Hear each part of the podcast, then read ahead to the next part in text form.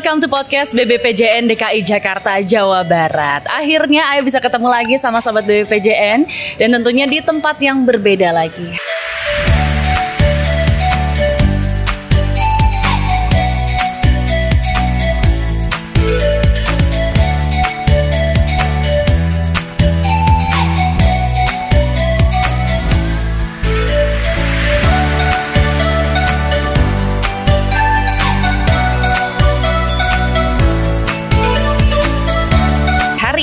Ya ada suasana yang berbeda di belakang ada uh, rel kereta terus ada uh, rumah-rumah warga juga dan tepatnya kita ada di bawah flyover nih ini pasti penasaran kan kita berada di mana hari ini kita berada di kota Bogor dan tentunya juga kita akan bertemu dengan narasumber baru lagi yang menarik nah hari ini Ayah bersama dengan uh, Kepala Dinas Bina, Bina Marga Jawa Barat ya halo Pak Bambang Halo. bertemu lagi Halo. dengan Ayah ini mungkin Iya. udah ketiga kali ya mukanya ada di podcast BPPJN DKI Jakarta. Jawa Barat. Dan tentunya juga bersama Pak Wilan ya Pak ya selaku Kepala BPPJN DKI Jakarta Jawa Barat. Ini juga udah sering tapi akhirnya sekarang kita podcast lagi ya Pak. Nah tapi ada wajah yang baru. Nah ini yang harus kita kenalan banget nih. Ada Pak Ahu Husnul Husnul. Rozaki. Husnul Rozaki. Boleh dong Pak kenalan dulu nih Bapak ini sebagai siapa sih Pak di Kota Bogor? Oke, terima kasih Mbak Anya ya. Mbak Aya ya Eh, Mbak, saya Mbak juga Aya. baru kenal dengan Mbak Aya. Mbak Aya. Saya pikir Anya Rohali, Mbak Aya Rohali. Terima kasih kepada Mbak Aya. Eh, izin Pak Kepala Balai, Pak Kepala Dinas PU Provinsi Jawa Barat. Eh, saya memperkenalkan diri Mbak Aya ya. Ya. Eh, saya Kusnul Rozaki eh, sebagai Kepala Dinas PUPR Kota Bogor yang kebetulan dalam hal ini mewakili eh, Wali Kota Bogor eh, karena padat acaranya beliau eh, tadi mengatur waktu. Jadi kebetulan yang sekarang ini ada penilaian di tempat lain, jadi Pak Wali menugaskan kepada saya. Terima kasih. Eh, mohon izin dari Pak Wali kepada rekan-rekan semua bahwa Pak Wali tidak bisa hadir karena waktunya yang cukup padat seperti itu. Oke, berarti ini kita akan bertemu dengan Pak Husnul ya Pak ya. Nah, eh, Pak aku pengen tanya dulu nih karena Bapak ini selaku representatif Kota Bogor nih. Kalau yang sedang eh, infrastruktur yang sedang dijalankan atau mungkin sedang eh, mulai dibangun nih Pak di Kota Bogor itu ada apa aja sih Pak? Gini, eh, pembangunan infrastruktur khususnya di bidang kepeuan, eh, PUPR Kota Bogor eh, punya rencana pembangunan yang memang sudah diprogramkan. Ini sejalan dengan eh, tujuan dari tata ruang, penataan ruang itu sendiri, yang mana kita akan meredistribusi fungsi ruang yang tadinya eh, bersifat ho- holistik eh, atau eh, terpusat, kita coba redistribusi ruang ini kepada wilayah-wilayah pelayanannya. Jadi ini yang kita kita wujudkan nanti ke depan eh, untuk bisa kita eh, tingkatkan dengan infrastruktur sisi pelayanan yang cukup baik. Nah, perwujudannya kita juga eh, mencoba untuk membagi beberapa eh, kegiatan. Eh, di antaranya adalah kita membangun jalan-jalan baru. Seperti sebenarnya kita ada PR dari Kementerian PUPR nih. Waktu itu namanya tahun 2092 dengan namanya Bopal, Pak. Bopal, Bogor lokal Palembang. Bogor Palembang. Nah, ini yang masih PR perencanaannya masih ada, tapi realisasi masih belum. Nah, itu kita tetap kejar uh, dalam realisasi pembangunan ini dan memang uh, cukup uh, berat juga uh, karena sam- udah hampir uh, 30 tahun ya belum kita tuntaskan. Uh, tapi sebagian besar sudah bisa kita selesaikan di antaranya jalan R0, R0 itu Soleh Iskandar sampai ke Abdullah Binu. Abdullah Binu itu masuk R1 sampai ke arah dermaga. Itu R0 dan R1 R2-nya adalah dari uh, Soleh ujung eh, Soleh, uh, Soleh Iskandar Kedung Halang menuju ke uh, Sentul yang menjadi sekarang akses tol. Tapi ada akses non tolnya yang kita juga punya PR ada di situ frontage-nya kita akan coba terus uh, kejar untuk pemba- apa pembangunannya. Karena sebagian besar sudah kita lakukan pembebasan fi- uh, tanahnya tinggal uh, kegiatan fisiknya. Ada juga R3 R3 ini jadi R0 sudah R1 sudah R2 sudah R3 R3 ini adalah dari Warung Jambu hingga Wangun kurang lebih sekitar eh, 6, 6, 12 plus 6, 18 ki- eh, sekitar 12 km. Nah ini yang eh, PR kita tinggal dari arah Parung Banteng atau di Kalibaru menuju Katulampa. Sebagian besar tanah sudah dibebaskan, sebagian kecil sudah dibangun fisiknya. Lanjut nanti dari Katulampa menuju ke eh, Wangunnya. Ini yang masih belum dilakukan pembebasan. Jadi eh, kita lakukan pembangunan-pembangunan infrastruktur seperti itu. Ini yang PR da- dari uh, kementerian yang memang harus kita lakukan. Uh, tapi juga ada beberapa poin penting yang sudah dilakukan pembangunannya di tadi uh, hari ini kita lah kolaborasi. Uh, perencanaannya itu sudah dilakukan dan kisuannya sudah dilakukan. Di antaranya ada enam bidang uh, pelintasan sebidang yang hmm. kita coba uh, tuntaskan. Di antaranya di jalan uh, ada enam itu di Jalan Soleh Iskandar, di Jalan uh, Kebon Pedes, uh, ada di jalan sekarang ini titik yang ketiga di uh, flyover Marta Dinata, ada di MA Salmon dan ada di uh, Kapten Uslihat seperti itu. Nah ini yang uh, kolaborasi kita sudah dilakukan. Uh, saya waktu itu masih di bidang di Bapeda uh, mencoba untuk mengusulkan ada di Soleh Iskandar tahun 2004. Itu mau alhamdulillah waktu itu Pak Dirjen Pak Hendro Pak uh, itu tuntas dan Pak Indro sendiri turun ke lapangan untuk menyelesaikan membantunya di tahun 2005 atau 2006 itu sudah dilakukan pembangunan underpass Sol Iskandar. Dan alhamdulillah itu salah satu mecah permasalahan di uh, Jalan Baru R0 atau Soleh Iskandar. Dan di tahun 2016 atau 17 kita dibantu oleh provinsi hmm. karena uh, itu baru satu uh, dua lajur dua jalur akhirnya dibuat dua ja, dua lajur dua jalur empat lajur. Uh, itu yang akhirnya dibantu oleh provinsi untuk uh, penyelesaiannya. Dan di 2009 dibantu uh, itu oleh provinsi dari arah Gedung Halang sampai ke Simpang Yasmin. Dari Simpang Yasmin sampai ke arah uh, Salabenda batas kota itu dibantu lagi oleh uh, pusat seperti itu. Itu salah satu kita uh, tuntaskan di sana. Yang kedua sama di sini kolaborasi juga kita usulkan dari kepada pusat di sini dimulai di tahun 2016, Pak. 2016 kita uh, ber, 2015 kita bersurat, 2016 kita melakukan pembebasan lahan, 2017 uh, pembebasan lahan kedua dan uh, kita juga ajukan sesuai dengan uh, persyaratan diminta sampai kita buat DED-nya uh, itu sebagai trigger untuk bahwa memang serius Kota Bogor untuk uh, menyelesaikan. Dan alhamdulillah 2018 ini dibangun seperti itu. Jadi ini adalah yang kedua dibangun oleh pusat okay. uh, eh, penataan. Nah nanti uh, tadi saya juga bicara dengan Pak Bambang. Pak Bambang akan membantu yang di Kebun Pedas. Kebun Pedas itu sebelum antara uh, Soleh Skandar dan flyover ini ada simpang di sana di pelintasan sebidang ada jalan milik provinsi, Jalan Kebun Pedas. Nah, kita sudah membangun membuat perencanaannya Pak Bambang. Uh, mudah-mudahan dari Jawa Barat tinggal menyetujui dan tadi Pak Bambang juga menyampaikan bahwa uh, kota punya tugas juga yang lain membebaskan lahannya. Mudah-mudahan tahun depan kita coba untuk pembahasan lahannya. Jadi uh, ada beberapa uh, permasalahan juga kita coba uh, apa bangun di sana. Nah, tinggal nanti MA Salmon. MA Salmon ini uh, sebenarnya timnya Pak Wildan sudah Pak Wildan sudah uh, melakukan survei Pak Kelapan bahkan buat perencanaannya. Uh, kita usulkan untuk flyover. Sama Pak dia uh, di atas rel kereta juga. Nah, ini mudah-mudahan Nah, tidak ada masalah lahan di sana karena kiri kanannya pasar, Pak. Tinggal mungkin kalau perlu uh, buat geometriknya kita tinggal lahan-lahan parkirnya kita selesaikan.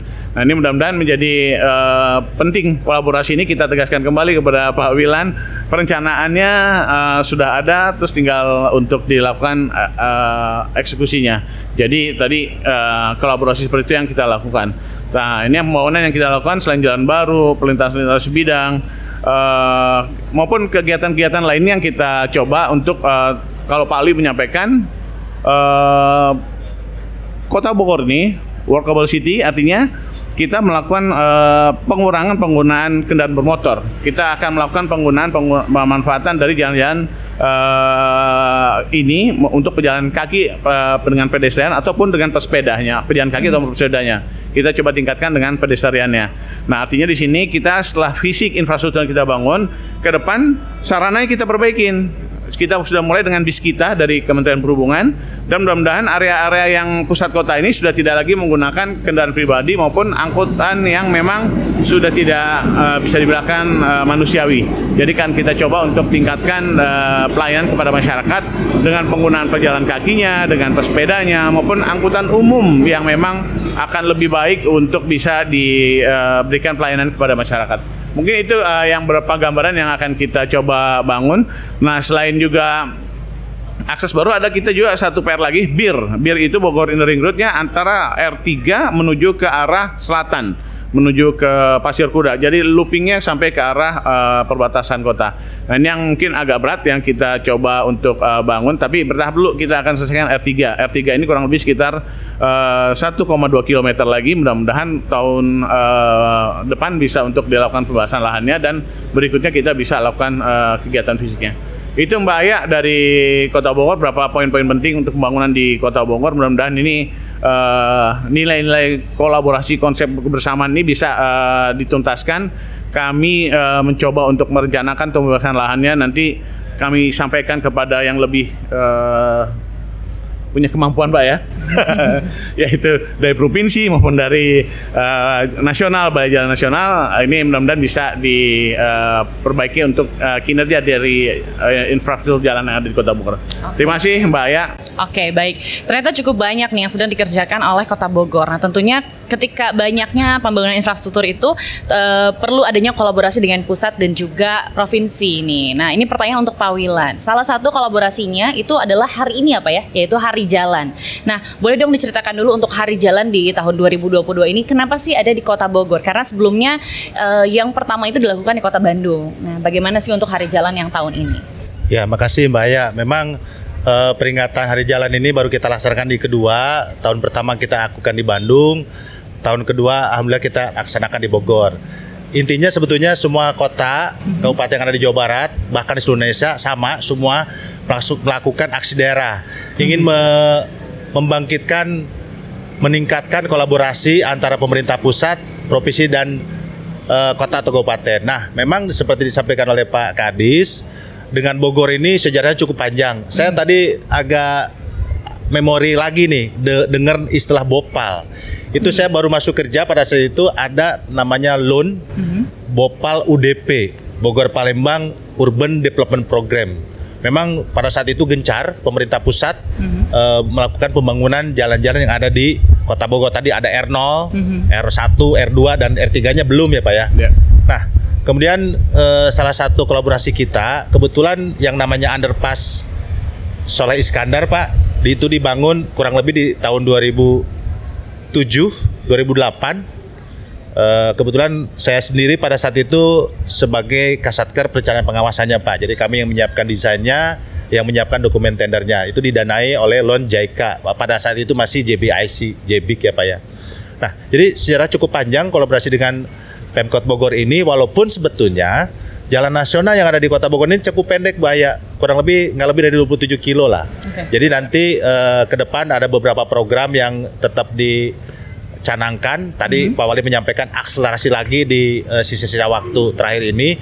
Walaupun ada konsep dari Pak Menteri kami uh, men- program dua tahun terakhir ini dengan istilah opor ya, mm-hmm. optimalisasi, pemeliharaan, operasi dan rehabilitasi. Jadi kita hanya mengoptimalkan yang belum selesai atau melakukan sifatnya rehabilitasi. Jadi pembangunan hanya dibolehkan kalau yang bisa diselesaikan di semester 1 2024. Hmm. Mudah-mudahan di Bogor ada yang bisa kita lakukan di sana.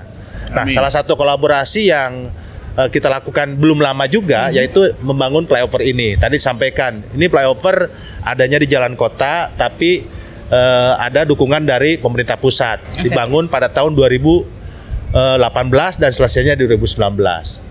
Nah, untuk kenapa Bogor ya ini memang pilihan saja tapi intinya jiwanya sama kita melakukan kolaborasi dengan semua pemerintah kabupaten kota yang ada di Jawa Barat termasuk dengan provinsi.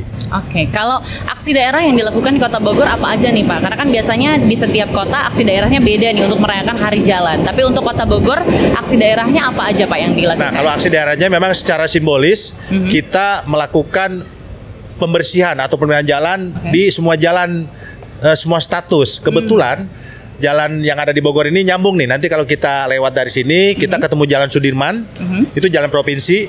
Nanti ada teman-teman dari provinsi yang melakukan pembersihan perawatan jalan, ada pengecatan, pembersihan saluran dan sebagainya. Kemudian nanti masuk lagi ke Jalak Harupat, itu jalan punya kota. Nanti Pak Kusnul hmm. juga sama mengerahkan tenaga kerjanya melakukan pemeliharaan jalan di sana. Nanti habis itu kita ketemu jalan nasional yaitu jalan pejajaran. Nah, kita juga mengerahkan teman-teman yang uh, bekerja di sana. Mm -hmm.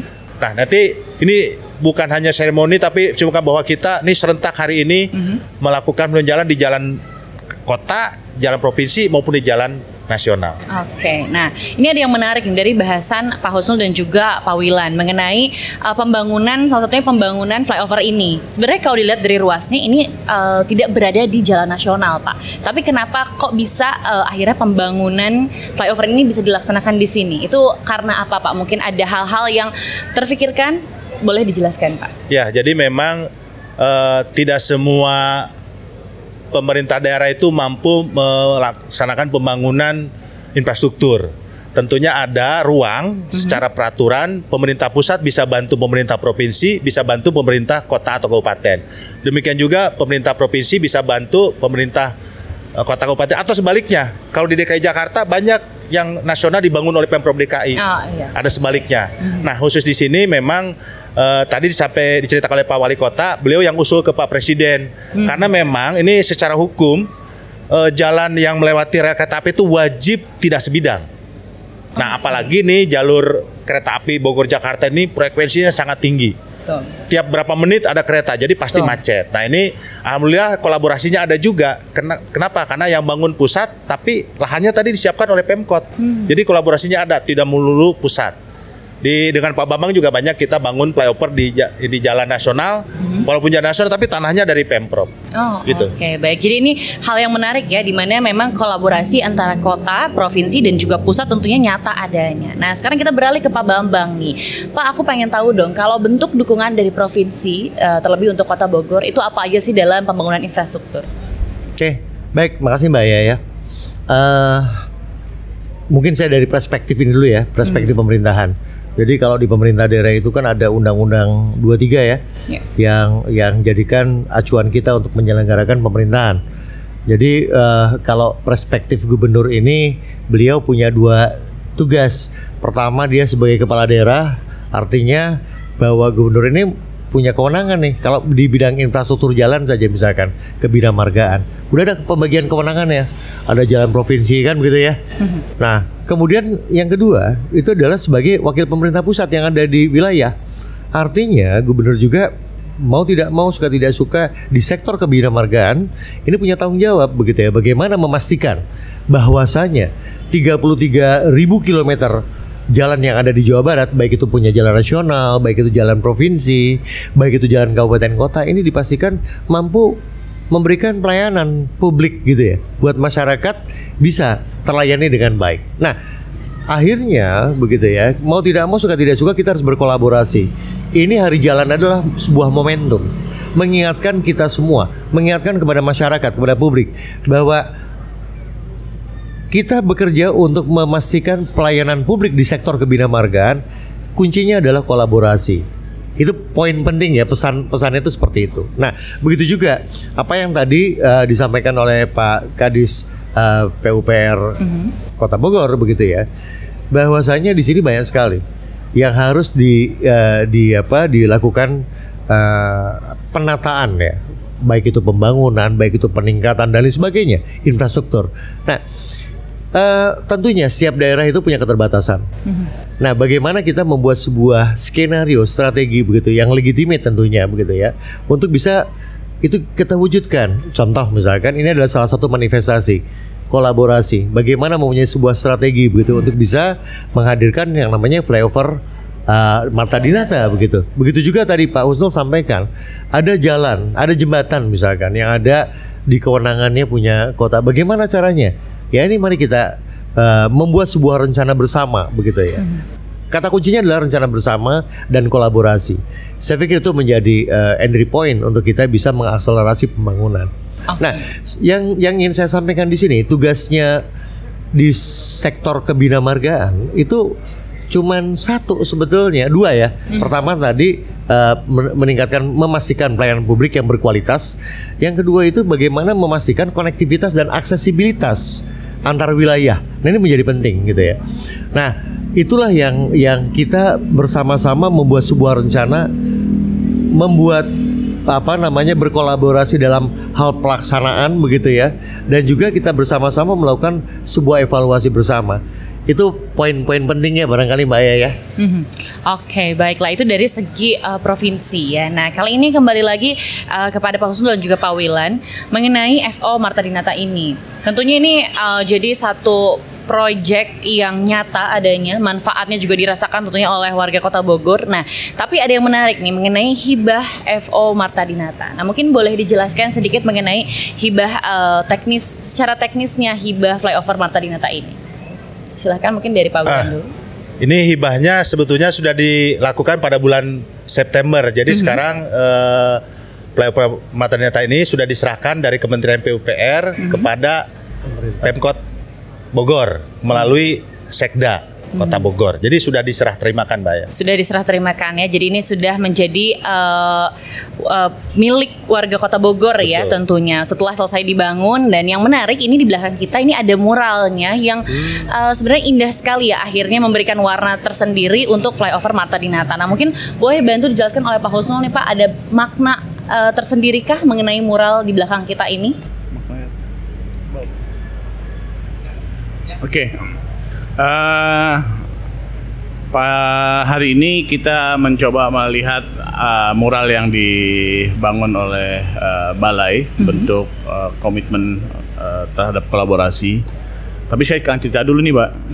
Manfaat dari ini dulu ya. Boleh, boleh silakan. Manfaat dari flyover saat ini tadi saya bilang ada enam perlintasan sebidang Mhm. eh, yang sudah ditentukan oleh pusat dua bentuk kolaborasi. Yang poin penting di sini adalah eh, dulu kalau warga Bogor ingin dari yang sulit itu dari barat ke timur. Oke. Barat ke timur itu perlu waktu saya sendiri sebagai pelaku pak di sini pak. Ya. Eh, paling cepat setengah jam kalau melewati perlintasan sebidang ini. Nah, ini yang kita akhirnya begitu eh, gigihnya kita untuk menggolkan ini ke dengan bentuk kolaborasi dengan pusat. Alhamdulillah dari perencanaan 2015 akhirnya 2018 tiga tahun kita bisa dibantu oleh eh, Kementerian PUPR. Nah ini manfaat atau dampak yang dimunculkan di sini ada eh, sangat signifikan tumbuhnya eh, perekonomian di wilayah barat kemudahan eh, kelancaran aksesibilitas eh, pengguna jalan di sini artinya tumbuh juga di wilayah barat beberapa eh, sektor ekonomi yang lain seperti itu. Nah ini yang coba kita eh, tegaskan dan kita ucapkan terima kasih atas eh, kebersamaannya Pak Wilan ya kolaborasi ini dan ini adalah satu bentuk manfaat yang dirasakan oleh eh, masyarakat Kota Bogor terhadap eh, kebersamaan atau kolaborasi yang eh, sinergi dengan Pemda Kota Bogor. Nah, dampaknya seperti itu. Terkait mural ini, eh, kalau kita lihat kan mural ini sepertinya ada Banyak warna. jembatan, Banyak warna. ada burung, ada kereta segala Ada macam. kujang. Ada kujang.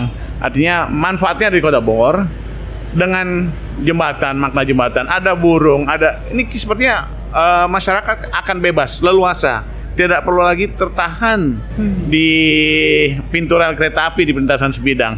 Jadi inilah bentuk kebebasan masyarakat menggunakan pelayanan eh, eh, terhadap jalan yang dibangun oleh kolaborasi kota dan pemerintah pusat seperti itu. Oke. Tapi jangan sampai kebebasannya mural di sini bagus nih. Di atas juga dibangun mural pak oleh masyarakat vandalisme. vandalisme ini ya, waduh. Sampai kami juga harus tiap hampir eh, setahun tuh bisa dua tiga kali untuk mencatnya kembali. Mudah-mudahan nanti mural di atas kita akan perbaiki dari coret-coretan dengan mural yang lebih bermakna seperti itu. Oke. Sekaligus pesan moral juga ya ke masyarakat di sini. Betul, Pak. Bahwa vandalisme ini ya kita kita hindari di sini kan di Kota Bogor betul. ya. Ya Pak. Oke. Karena sebenarnya uh, ini bisa dihindari dengan mural yang malah cantik ya Pak ya di belakang ini. Jadi mungkin uh, nanti bagian atas atau bagian dalam uh, FO Martinita juga bisa dihias kembali. Nah, tapi kalau dari uh, sisi Pak Wilan sendiri nih untuk makna dari mural yang diciptakan oleh uh, teman-teman pusat dan juga kota tentunya nih ini punya arti tersendiri mungkin Pak. Ya, kalau kita memang salah satu beberapa sering dipesenin oleh pimpinan, Mhm. kalau kita bangun struktur tuh pasti cenderung dengan hard gitu ya, karena beton itu keras. Nah, salah satu untuk mengimbangi struktur yang kuat ini, kita mempercantik eh, beberapa infrastruktur kita dengan mural. Ini menunjukkan ada harmonisasi, ada kolaborasi di sini. Tapi intinya eh, untuk me- apa ya? eh, memunculkan sisi kelembutan dari sebuah infrastruktur. Dan tadi eh, kalau kita lihat kecantikan seperti ini mudah-mudahan yang biasa melakukan vandalisme juga segen gitu ya. Oleh karena itu nanti tadi saya dengar akan dilanjutkan oleh Pak Wali dan Pak Kusnul ini di titik-titik lain supaya vandalismenya bisa dihindari. Oke. Bahkan di kalau kita tidak bisa melakukan mural, kita kadang-kadang membuat monumen-monumen di infrastruktur itu supaya kelihatan tidak kaku gitu. Itu mungkin bahaya. Oke, nah tadi kita sudah cukup membahas uh, lebih banyak lagi mengenai FO Mata Dinata. Nah sekarang beralih lagi ke Pak Bambang nih Pak.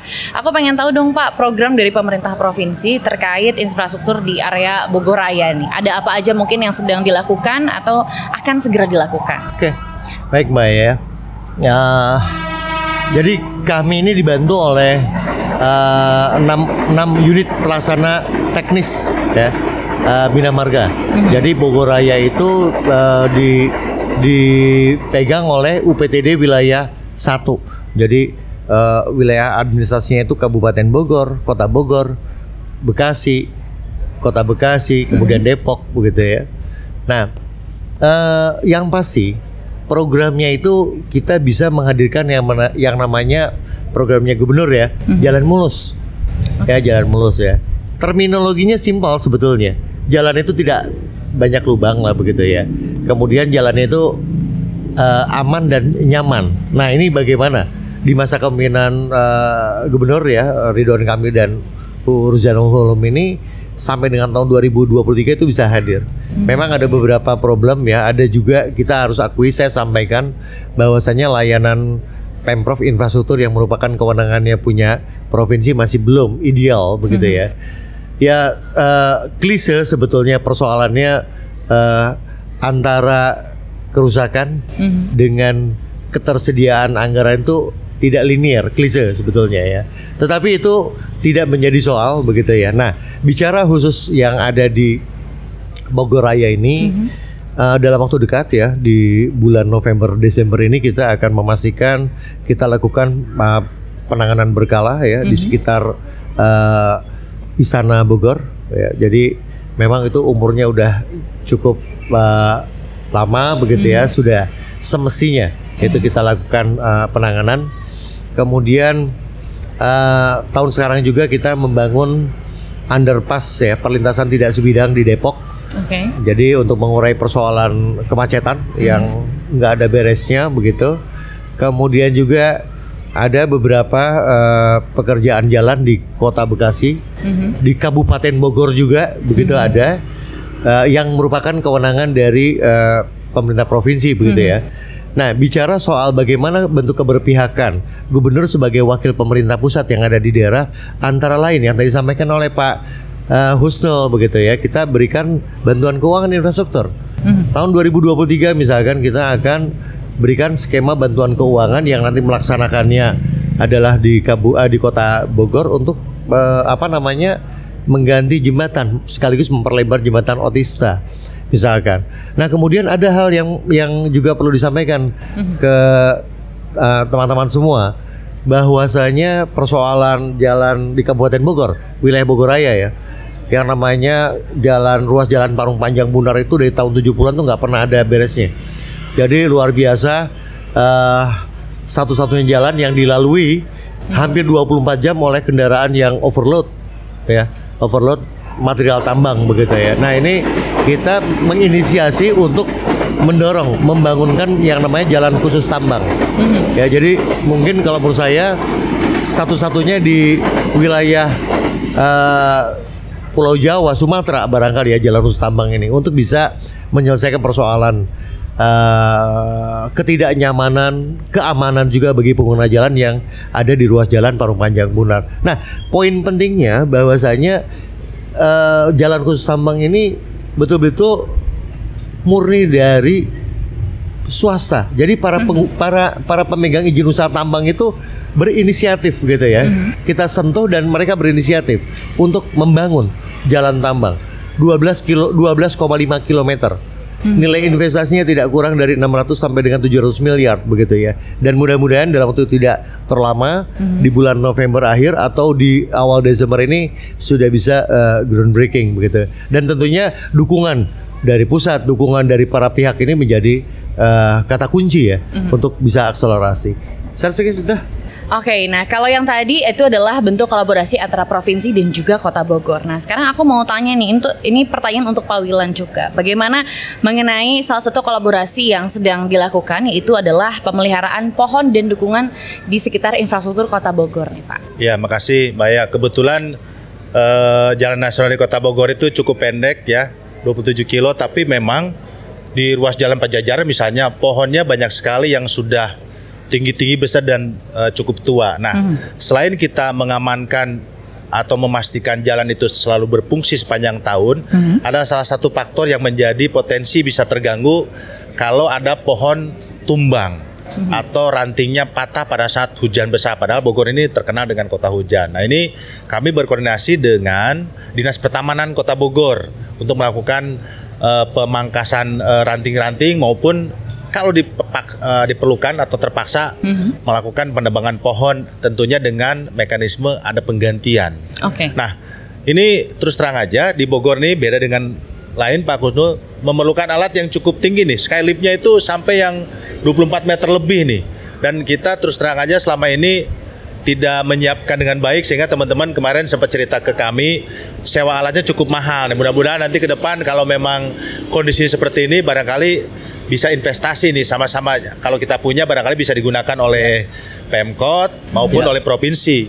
Karena sewanya cukup mahal Mbak ya. Tapi alhamdulillah selama ini yang tahun ini bisa kita eh, tangani. Hmm. Berarti ini jadi salah satu kegiatan yang eh, selalu dilakukan ya karena Ya. balik lagi itu di Kota Bogor ini punya banyak pohon-pohon yang sudah besar dan Betul. juga cukup tua. Nah, ini eh, tadi menyangkut dengan pembahasan bencana alam atau mungkin juga eh, kondisi cuaca dekat-dekat ini ya sekarang-sekarang ini.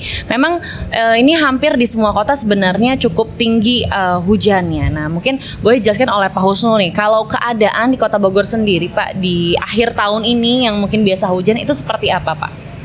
Baik. Eh, untuk kota Bogor eh, memang sudah dikenal dengan kota hujan. Eh, dia beberapa minggu yang lalu memang dengan intensitas hujan yang cukup tinggi, eh, bukan banjir aja, bukan genangan saja, bukan banjir saja, tapi bahkan eh, di mana-mana longsor. Salah satunya di wilayah eh, Bogor Tengah seperti itu. Nah ini yang eh, bahkan juga ada beberapa jembatan nih Pak. Iya. Kita juga eh, terjadi longsor di sayapnya menyebabkan eh, plat injaknya juga terganggu. Artinya kita tutup seperti di jalan M, jembatan M Falak dan jembatan satu seperti itu. Ada dua. Nah ini yang memang PR kita cukup besar. eh, artinya untuk memelihara infrastruktur seperti itu karena eh, dampak dari eh, cuaca yang cukup ekstrim di akhir eh, tahun ini. Nah, terkait dengan pemeliharaan jalan, eh, kalau jalan nasional itu di Kota Bogor tidak terlalu panjang, Pak ya.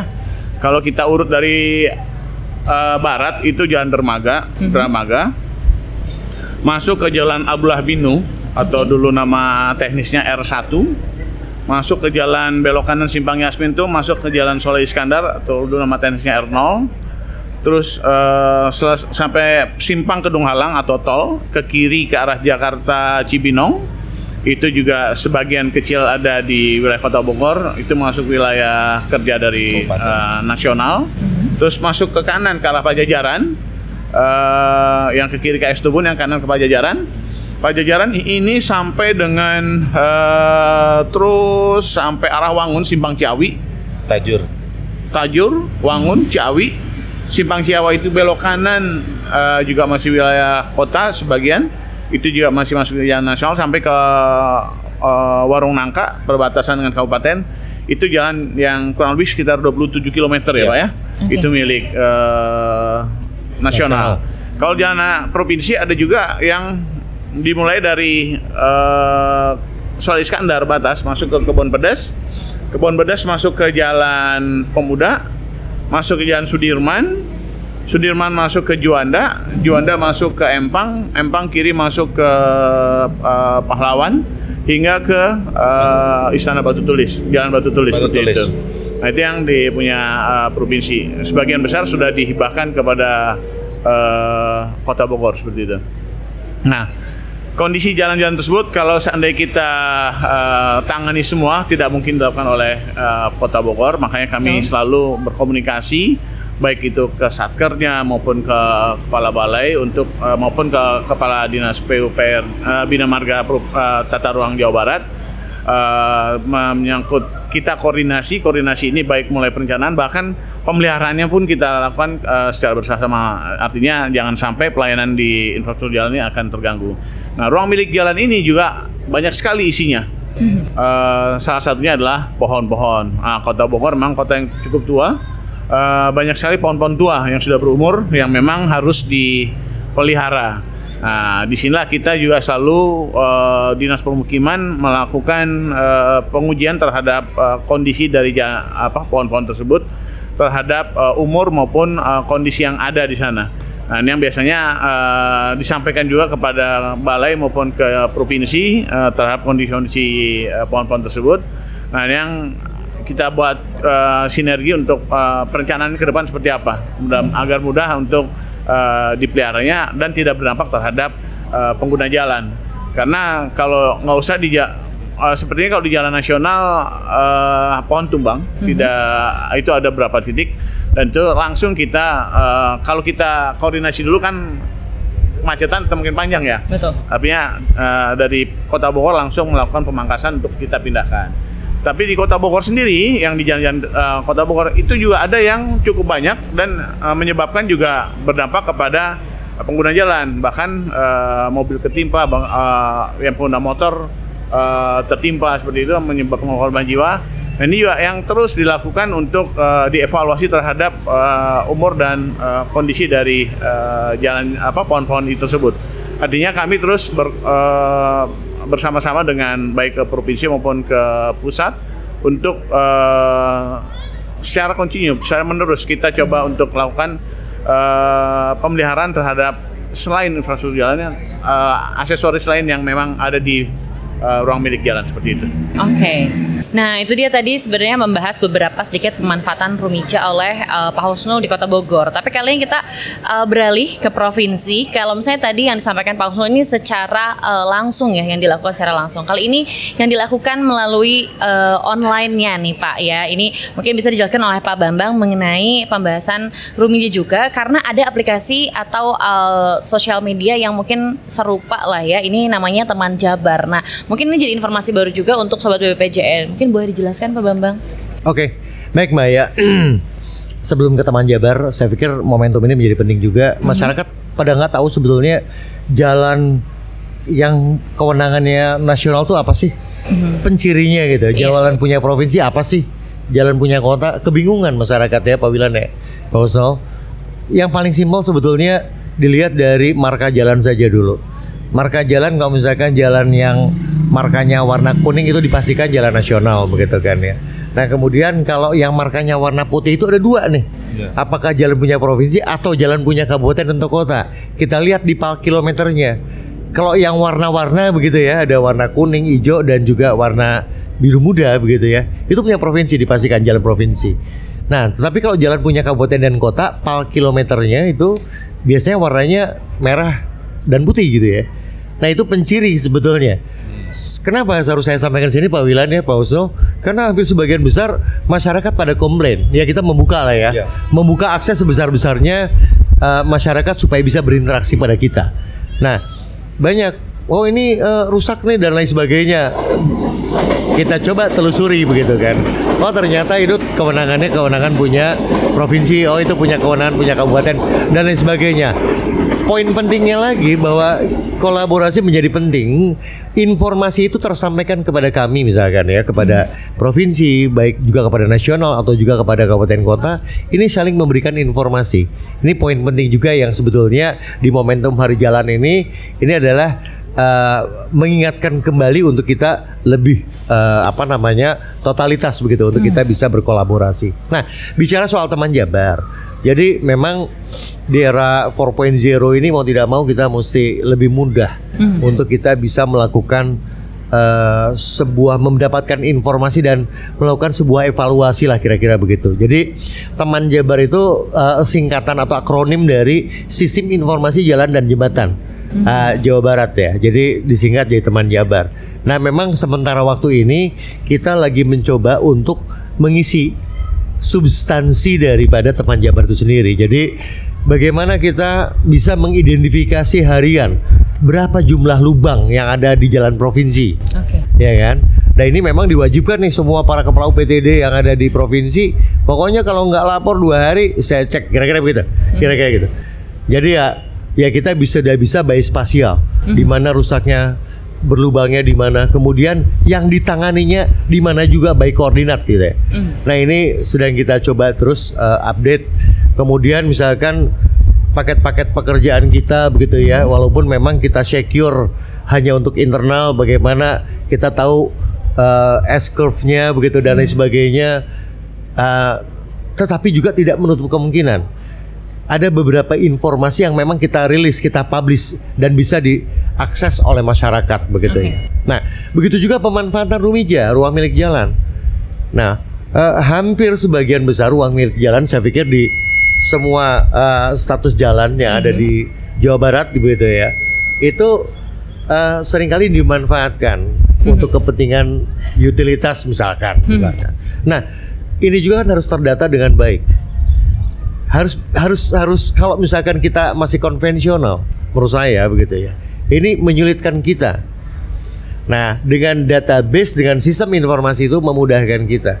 Dengan kita pasang suatu operator begitu ya tugasnya dia untuk melakukan updating begitu setiap hari. Dan kemudian kalau misalkan harus ada yang diimprove begitu misalkan untuk urusan rumijak misal begitu ya. Ini sudah bisa mudah untuk kita lakukan penanganan-penanganan. Paling tidak itulah salah satu manfaat dan tidak menutup kemungkinan teman Jabar ini setelah kita anggap firm begitu ya akan kita coba kolaborasikan dengan eh, semua eh, sektor begitu. Kira Oke. itu Mbak ya. Kalau di provinsi ini punya teman Jabar ini untuk uh, salah satu aplikasi yang bisa membantu mungkin masyarakat Jawa Barat untuk menginformasikan ya Pak kalau misalnya ada uh, lubang di mana aja sih di ruas jalan mana aja terus juga mungkin tadi yang seperti Pak Bambang bilang ada informasi-informasi yang mungkin nantinya akan secara transparan juga bisa disampaikan oleh masyarakat. Nah kalau di pusat itu punya Okesip. Nah kalau di kota nih Pak Husnul nih untuk masyarakat Kota Bogor ketika ingin menyampaikan aspirasinya ingin memberitahu bahwa Pak di jalan eh, mana ini ada lubang misalnya atau terjadi suatu kecelakaan karena lubang itu bisa disampaikan ke pemerintah Kota Bogor itu dengan cara seperti apa Pak? Oke. Eh, kota Bogor eh, sudah memulai dengan aplikasi Sibadra secara kota. Eh, itu kurang lebih sekitar 3-4 tahun yang lalu. Oke. Artinya setiap eh, permasalahan kota pasti eh, Sibadra ini eh, pembaruan ya dari eh, laporan yang awal ya. Jadi eh, yang terakhir kami gunakan Sibadra. Eh, ini eh, digunakan laporan itu pasti akan sampai ke pimpinan Pak Wali. Oh, Nah, ini yang eh, kami selalu harus bisa segera merespon apa yang menjadi keluhan eh, dari masyarakat. Paling lama kami melakukan eh, perbaikan kalau eh, seandainya kondisi cuaca cukup baik itu tiga hari. Tiga Paling hari. lama karena kondisi eh, mungkin laporan cukup banyak. Tapi dan juga kondisi yang eh, tidak terlalu berat. Kalau seandainya terlalu berat seperti eh, longsor segala macam, eh, itu mungkin kami tidak bisa lakukan segera ya seperti itu ya. Nah, si Bada ini biasanya terkoneksi juga dengan ke IG-nya Pak Wali, ke pemeliharaan kami di PUPR. Nah, PUPR sendiri juga ada uh, uh, untuk laporan uh, langsung uh, dari masyarakat, tapi lebih banyak uh, masyarakat nih mengadunya kepada Pak Wali karena akan terlihat terbaca oleh pimpinan. Pak pimpinan pasti akan uh, segera menindaklanjuti kepada dinas terkait. Dan selain kami juga uh, membacanya, kami akan langsung uh, cek lapangan. Pak Wali juga biasanya langsung mengingatkan kembali seperti itu. Jadi semua berinteraksi untuk bisa segera menyelesaikan eh, permasalahan terhadap infrastruktur yang ada, yang utamanya pada jalan-jalan yang eh, rusak dan berlubang. Selain itu juga eh, ada laporan masyarakat yang datang langsung ke kantor kami yang eh, tidak online, offline maupun secara fisik dari wilayah yang kami mungkin dengan keterbatasan tidak bisa melihat semua eh, infrastruktur yang ada. Biasanya wilayah yang tahu eh, terhadap kondisi infrastruktur di wilayahnya, camat maupun lurah juga memberikan eh, apa eh, laporan kepada kami seperti itu. Jadi saluran untuk laporan ini banyak sekali dan mudah-mudahan kami uh, bisa meresponnya segera seperti itu. Oke, jadi ini adalah hal yang luar biasa bahwa uh, penanganannya itu tidak hanya dilakukan secara langsung ya, tapi juga masyarakat Kota Bogor, baik itu provinsi maupun pusat ini bisa mendapatkan uh, masukan-masukan dari masyarakat melalui online ya, melalui aplikasi Ya. ataupun sosial media. Nah, kalau misalnya aku mau tanya nih, tadi selain aplikasi yang luar biasa di Kota Bogor ya, uh, si Bada itu, nah kalau program unggulan Kota Bogor secara infrastruktur uh, di tahun 2022 sampai tahun 2023 ini apa aja sih Pak? Baik. Untuk 2022 eh, kami kemarin menuntaskan jalan yang cukup lama di, di apa ditunggu oleh warga di Tanah Sareal yaitu eh, Jalan Desa Kencana Kayu Manis. Eh, Alhamdulillah ini juga bentuk kolaborasi kami dapat DAK dari kementerian. Eh, kita yakinkan kondisi jalan yang eh, memang tidak baik tapi datanya yang berbeda di antara pusat dan eh, di kita akhirnya kita bisa menyelesaikan kurang lebih sekitar eh, 5 km ini dan secara bertahap ya dua tahun anggaran juga dibantu oleh DAK. Dan terakhir kemarin eh, sudah selesai untuk eh, sampai ke batas kota di Kencana untuk eh, penanganannya di 2022. Nah ini salah satu yang memang eh, sudah eh, menjadi program prioritas yang sudah kita coba tuntaskan Eh, karena eh, selain di, situ juga sebenarnya kemarin juga ada jembatan yang eh, termasuk eh, longsor sana. Eh, eh, jadi kita perbaiki juga di tahun 2021-nya. 2022 yang eh, kemarin program yang terbesar seperti itu itu yang kita lakukan. Sedangkan di 2023 kita coba untuk eh, tetap konsisten 2022 dan 2023 konsisten untuk penanganan di frontage yang memang eh, R2 belum tertuntaskan. Ini yang kita coba eh, terus mulai pembahasan tanah dan fisiknya dan coba kita juga sama kolaborasi lagi dengan pusat terhadap uh, ram tol yang dari uh, kawasan OCBD uh, ke arah tolnya yang milik apa uh, MSJ Uh, seperti itu. Nah ini yang uh, sudah coba dilakukan dan mudah-mudahan ini akan terkoneksi. Tapi R2-nya yang non tolnya kita coba terus untuk bangun fisiknya secara bertahap uh, walaupun tertati-tati kita coba untuk uh, bisa tuntaskan dengan pembahasan lahannya dan fisik yang sedikit-sedikit. Begitu juga Nah, di R3 di 2022 dan 2023 juga sama yang sudah kita tuntaskan dari Warung Jambu hingga ke arah Parung Banteng. Yang tersisa dari Parung Banteng hingga ke Wangun. Ah, ini kurang lebih sekitar 1,2 plus eh, 1,2 2,4. Tapi 1,2 yang Parung Banteng Wangun eh, eh, Warung Banteng ke Katulampa ini sudah kita sebagian besar 90% sudah dibebaskan. Tinggal sedikit lagi dan kita ada konsinyasi di pengadilan juga kita akan coba tuntaskan di tahun sekarang dan 2023 Eh, mudah-mudahan ada anggaran sedikit untuk fisiknya kita coba lakukan untuk fisiknya. Nah nanti setelah tuntas semuanya di 2024 untuk eh, kita bebaskan di dari dari Katulampa hingga Wangun 1,2 km lagi. Mudah-mudahan nanti kita tetap melakukan eh, sinergi dengan provinsi dengan pusat untuk bisa bisa tuntaskan eh, apa jalan yang memang nanti saat ini beban jalan Pajajaran dan Tajur cukup tinggi nanti kita bisa terbagi di jalan R3 tersebut antara Wangun sampai ke Warung Jambu. Jadi itu yang eh, menjadi program unggulan kami untuk bisa dituntaskan di tahun 2023 eh, secara bertahap. Berikutnya nanti kita lanjutkan eh, secara eh, simultan seperti itu. Baik, itu dia program unggulan dari Kota Bogor. Nah, sekarang beralih ke provinsi Pak Bambang. Untuk program unggulan di Provinsi Jawa Barat di tahun 2022 sampai tahun 2023 itu ada apa aja, Pak? Oke Mbak ya, makasih. Jadi memang kita ingin mencoba menuntaskan, bukan? Memang itu target eh, apa namanya janji janjinya gubernur dan wakil gubernur adalah menuntaskan yang namanya jalan mulus.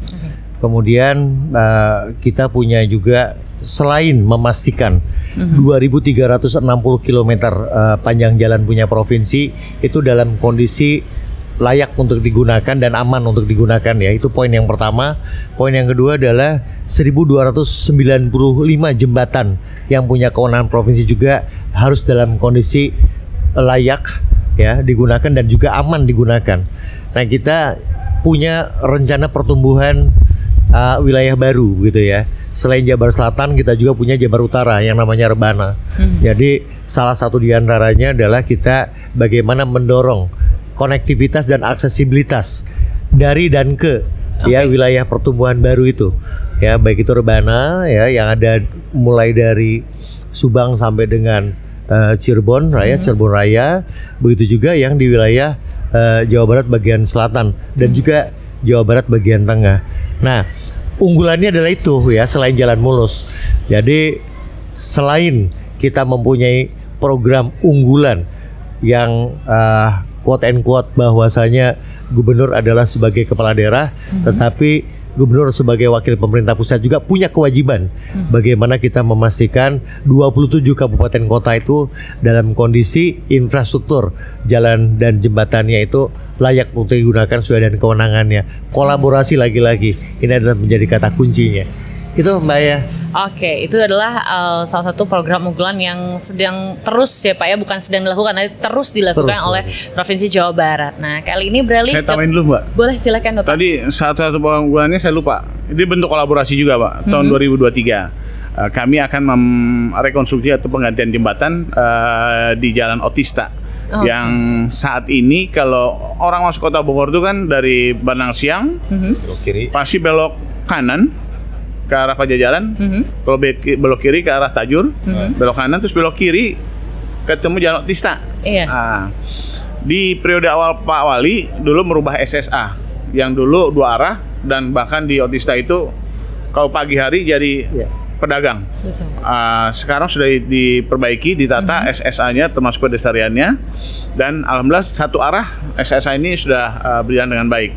Nah, pada saat sekarang masih ada dirasakan kekurangannya. Apa itu? Pada saat eh, sibuk jam kredit masuk ke kota Bogor itu cukup stuck.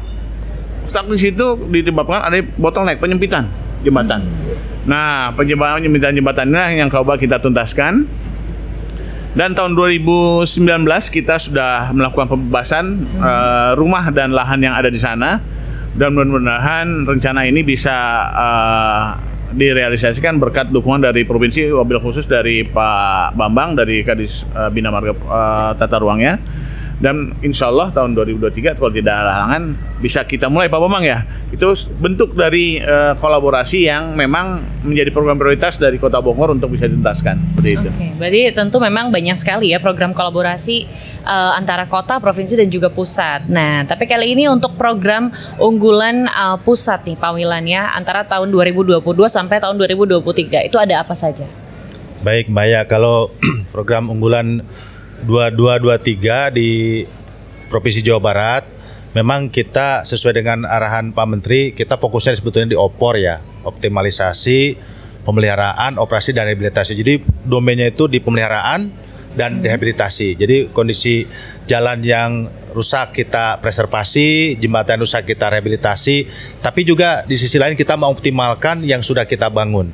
Salah satu contoh yang mengoptimalkan adalah pertama di Pansela. Pansela itu kita hampir 400 kilo, jalannya sudah bagus, lebarnya sudah rata-rata 7 meter, tapi kita masih ada sisa jembatan sekitar 14 jembatan yang belum subs- masih belum standar. Nah, itu kita programkan mulai dari 22 22, 23 bahkan sebagian selesai 2024 itu semuanya akan kita lebarkan. Jadi meng- mengoptimalkan eh, jalur Pansela. Kemudian kita akan mengoptimalkan juga pelabuhan Patimban. Nah, kita ditugaskan untuk membangun akses tolnya dari Cipali ke Pelabuhan Patimban. Ini kurang lebih 37 kilo.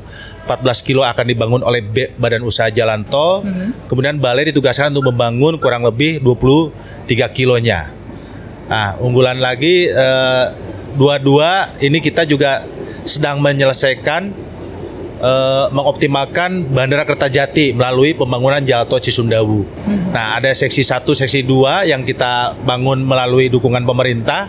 Seksi 2 alhamdulillah sudah selesai dalam waktu dekat mungkin akan difungsikan. Oke. Nah, Insya Allah untuk seksi 4, 5, 6-nya itu akan ditargetkan selesai akhir tahun ini. Jadi itu juga mengoptimalkan fungsi Bandara Kertajati.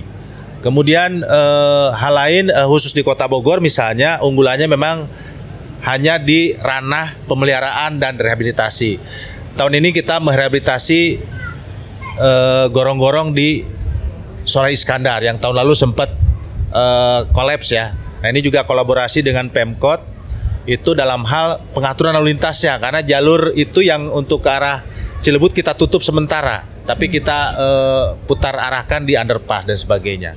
Kira-kira itu uh, beberapa produk unggulan. Salah satu juga ini kolaborasi dengan Pemprov ini. Hmm. Uh, kita untuk mendukung beroperasinya kereta api cepat Bandung Jakarta, kita juga diminta untuk meningkatkan kondisi jalan provinsi mm-hmm. dan jalan Kabupaten, Kabupaten Bandung Barat di Jalan okay. Panaris dan Jalan Gedong 5. Nah, itu kita ditargetkan sebelum Juni 23 harus selesai. Mm. Kemudian untuk mendukung uh, feeder kereta api cepat Bandung Jakarta juga kita ditugaskan untuk membangun flyover Nurtanio. Nanti kita akan kolaborasi dengan Pemprov maupun Pemkot uh, Bandung. Oke. Okay. Gitu, Mbak ya. Berarti ternyata memang di uh, dalam program unggulan baik itu kota, provinsi dan juga pusat memang banyak sekali kolaborasi ya yang diadakan dan dilakukan. Ini uh, terlebih pada infrastruktur uh, infrastruktur jalan. Nah, tapi kalau untuk harapannya sendiri dari Kota Bogor nih Pak Husnul apa sih harapannya dengan kolaborasi yang dilakukan bersama provinsi dan juga pusat? Oke. Okay. Uh, kita berada di Kota Bogor, uh, wilayah Jabodetabek uh, ini kompleksitas permasalahan cukup tinggi. Hmm. Uh, ini sangat uh, menentukan kolaborasi tadi. Artinya dalam menyelesaikan permasalahan-permasalahan kota kita tidak bisa menuntaskan secara sendiri kota Bogor. Makanya kita perlu berkoordinasi dengan pemangku kepentingan seluruhnya, baik itu di Jabodetabek, di pusat maupun kita provinsinya sendiri. Dan yang kita harapkan uh, kolaborasi ini salah satu solusi untuk kita uh, menyamakan persepsi. Artinya kita mulai dari program, program-program kita kita terjemahkan dalam perencanaan. Perencanaan itu kita lakukan dengan uh, membuat tahapan uh, pelaksanaan tadi. Kita lakukan program kita, kita buat perencanaannya. Perencanaannya kita mudah-mudahan bisa terpadu, maka kita sampaikan dulu kepada baik kepada pusat maupun kepada uh, provinsi Nah ini yang uh, kita lakukan seperti di sini. Mulai perencanaan dan pelaksanaannya adalah bentuk hal bentuk kolaborasi dari perencanaan, mhm. eksekusinya nanti tinggal dari pusat. Begitu juga uh, otista perencanaannya kita lakukan, bahasan kita bahasan, uh, eksekusinya nanti tinggal dari provinsi seperti itu. Nah ini yang uh, kita harapkan manfaat-manfaat uh, dari kolaborasi ini ada uh, terhadap uh, kompleksitas permasalahan kota yang cukup tinggi yang mungkin tidak bisa dituntaskan sendiri oleh kota itu sendiri. Maka kami perlu bantuan dan dukungan dari uh, seluruh stakeholder yang ada maupun mangkok kepentingannya. Begitu juga uh, perencanaannya. Perencanaan mungkin kita harus akan terus uh, berkoordinasi agar perencanaan terpadu agar nanti ke depannya uh, jangan sampai kita merencanakan A, provinsi merencanakan B, dari pusat merencanakan D nggak nyambung hmm. seperti itu. Nah kita juga akan terpadukan uh, dari sisi perencanaannya. Uh, bahkan kalau perlu nanti uh, menjadi prioritasnya di mana, misalnya untuk peningkatan ekonomi ataupun ruang-ruang yang memang membangkitkan perekonomian yang baru seperti itu. Dan yang uh, kita harus samakan semuanya agar nanti uh, tidak berjalan masing-masing. Itulah salah satu bentuk uh, kolaborasi yang sinergi seperti itu. Itu mbak. Oke, kalau itu adalah harapan dari Pak Husul nih, representatif Kota Bogor. Nah, kali ini harapan dari Pak Bambang, Pak, dari provinsi, apa sih yang diharapkan dari kolaborasi yang memang uh, sejauh ini sering dilakukan nih oleh provinsi, kota, dan juga pusat? Oke, baik.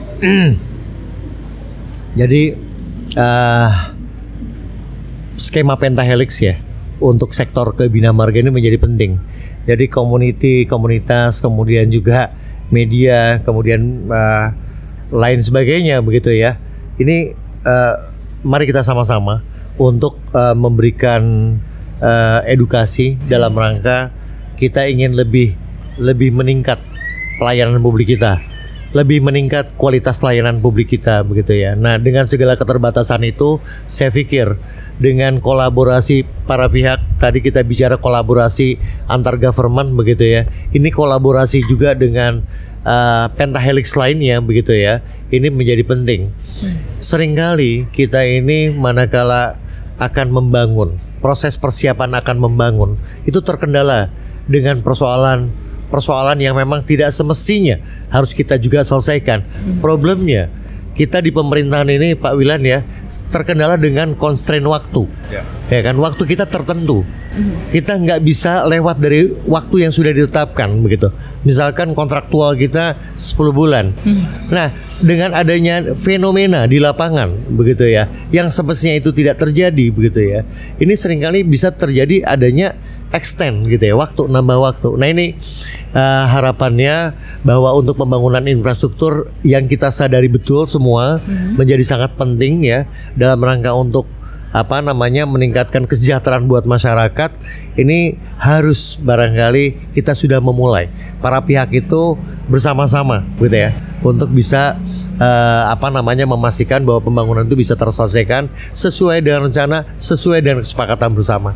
Saya rasa itu mungkin ya harapannya. Oke, terima kasih Pak Bambang. Nah, kali ini untuk Pak Wilan, apa sih Pak yang diharapkan dari uh, kolaborasi yang memang dilakukan bersama uh, pusat, lalu ada kota dan juga provinsi? Ya, makasih Mbak ya. Sama ya harapannya kolaborasi kalau kita bicara infrastruktur infrastruktur jalan, mm -hmm. tentunya jalan itu akan uh, berfungsi secara optimal kalau terjadi konektivitas. Jadi kolaborasi itu mungkin tidak hanya di unsur pelaksana. Tadi saya sepakat dengan Pak Bambang, kolaborasi itu ada batasan waktu. Kalau kami juga bilang ada batas aturan. Jadi kalau di sisi pelaksana antara kami, saya dengan Pak Bambang, dengan Pak Husnu pasti berkolaborasi itu inginnya tanpa batas. Tapi tentu hmm. itu tidak bisa demikian ya. Sehingga kita harapkan juga kolaborasi itu ada beberapa level ya kita inginkan juga di ranah pimpinan di sisi planning programming. Jadi kalau misalnya di Jawa Barat ini Pak Gubernur, Pak Wali Kota dengan Pak Menteri kami, yeah. itu harus sinergi dulu. Nanti kita di bawah ini tinggal melaksanakan saja.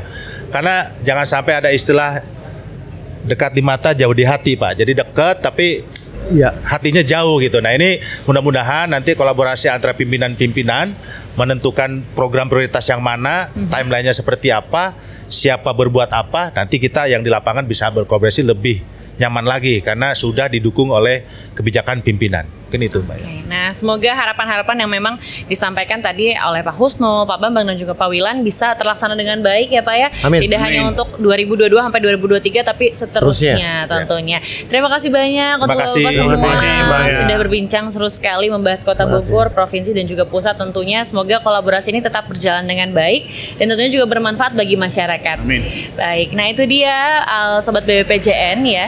Uh, bincang-bincang seru ayah bareng sama Pak Husno, Pak Bambang dan juga Pak Pak Wila nih. Kita udah membahas tuntas mengenai Kota Bogor, infrastrukturnya ya, dan tentunya juga eh, harapan-harapan uh, yang ingin dilakukan, ingin uh, terlaksana ke depannya. Dan nanti kita akan bahas yang lebih seru lagi tentunya mungkin di tempat yang berbeda di kota lainnya, tentunya bersama BBPJN DKI Jakarta Jawa Barat. Dan jangan lupa uh, subscribe ya YouTube channelnya PUPR underscore DKI Jabar untuk mengetahui lebih lanjut episode seru apa lagi yang akan kita bahas. Dan jangan lupa juga like dan share sama sobat BPJN yang lain. Sekarang waktunya ayah pamit. See you.